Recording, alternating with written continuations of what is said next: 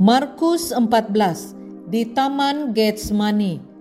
Lalu Yesus berkata kepada mereka, "Malam ini kamu semua akan goyah karenaku, seperti yang telah tersurat.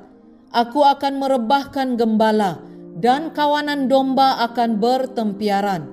Tetapi setelah aku dibangkitkan semula, aku akan mendahului kamu ke Galilea." Petrus berkata kepadanya, "Kalaupun semua yang lain goyah, aku tidak akan goyah. Yesus berkata kepadanya, Sesungguhnya aku berkata kepadamu, pada malam ini sebelum ayam berkokok dua kali, kamu akan menyangkalku tiga kali. Tetapi Petrus berkata dengan lebih tegas lagi, Kalaupun aku terpaksa mati bersamamu, aku tidak akan menyangkalmu. Semua yang lain pun berkata demikian. Mereka sampai di satu tempat yang dinamakan Getsemani, Yesus berkata kepada murid-muridnya, "Duduklah di sini sementara aku berdoa." Dia membawa Petrus, Yakobus, dan Yohanes bersamanya, dan dia mulai merasa gundah dan resah. Dia berkata kepada mereka, "Jiwaku sungguh duka cita, bagaikan mati. Duduklah di sini dan berjagalah." Dia pergi jauh sedikit lagi, lalu merebahkan diri ke tanah dan berdoa kalau dapat saat itu diedarkan daripadanya.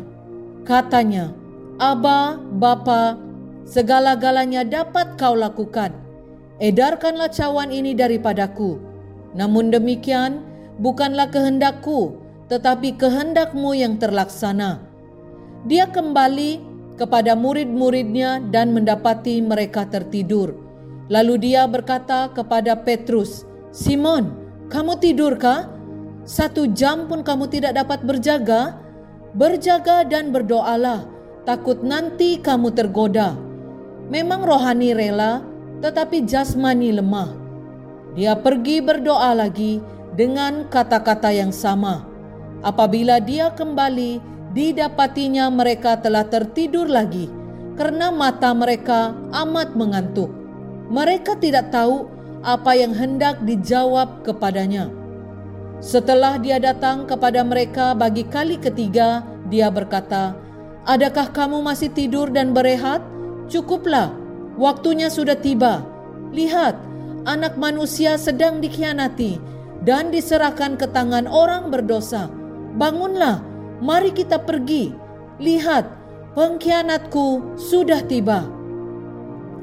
Sesaat kemudian, Ketika dia masih berkata-kata, seorang daripada muridnya yang dua belas itu, yaitu Yudas datang dengan orang yang sangat ramai dan bersenjatakan pedang serta belantan.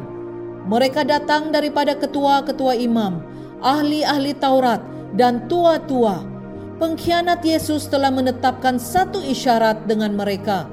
Yang kucium nanti, itulah dia. Tangkaplah dia dan bawalah dia pergi dengan selamat.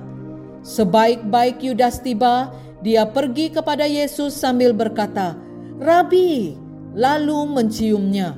Mereka pun menangkap Yesus dan membawanya pergi.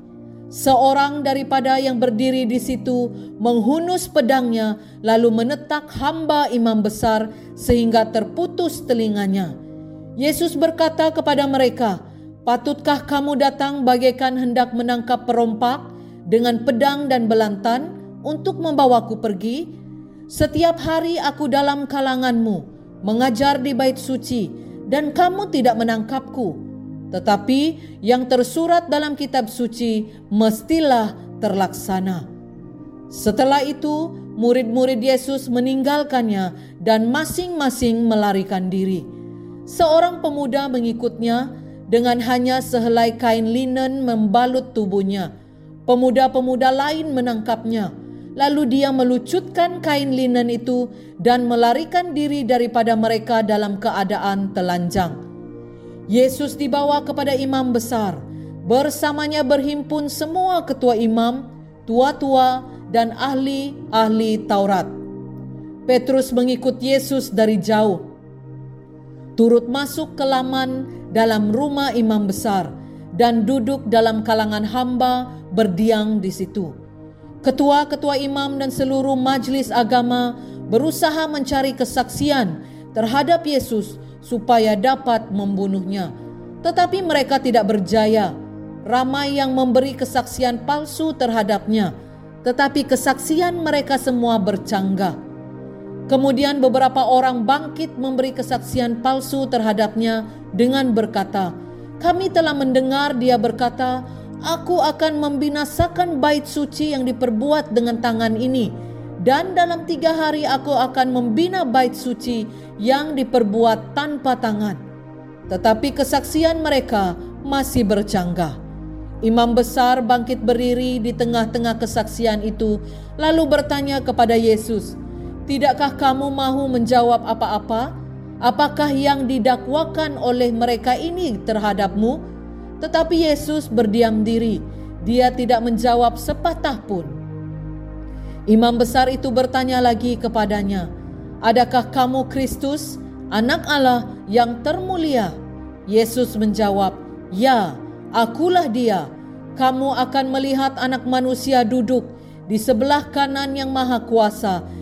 Dan datang dalam awan di langit. Imam besar itu lalu mengoyak-ngoyakkan pakaiannya sambil berkata, "Adakah kita perlukan saksi lagi? Kamu telah mendengar kata-kata kufurnya sendiri. Apakah pendapatmu?" Lalu mereka menjatuhkan hukuman ke atasnya bahwa dia patut dibunuh.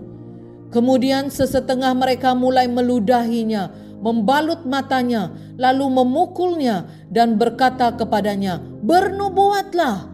Pengawal-pengawal pula menamparnya. Petrus ada di bawah, di dalam laman. Seorang hamba perempuan imam besar datang ke situ. Apabila dia melihat Petrus sedang berdiam, memanaskan tubuhnya, dia memandang Petrus dan berkata, "Kamu juga bersama Yesus, orang Nazaret." Petrus menyangkal, katanya, Aku tidak tahu dan aku tidak faham apa yang kau katakan. Dia keluar ke serambi depan, lalu ayam berkokok. Hamba perempuan itu melihatnya lagi, lalu mula berkata kepada orang yang berdiri di situ, "Ini seorang daripada mereka." Petrus menyangkalnya lagi. Sejurus kemudian, mereka yang berdiri di situ berkata pula kepada Petrus, "Sudah tentu kamu seorang daripada mereka." Kerana kamu orang Galilea. Petrus pun mengucapkan kutuk dan sumpah, Aku tidak kenal orang yang kau katakan itu. Ayam pun berkokok bagi kali kedua. Lalu Petrus teringat kata-kata Yesus kepadanya, Sebelum ayam berkokok dua kali, kamu akan menyangkalku tiga kali. Memikirkan perkara itu, Petrus menangis dengan kesalnya.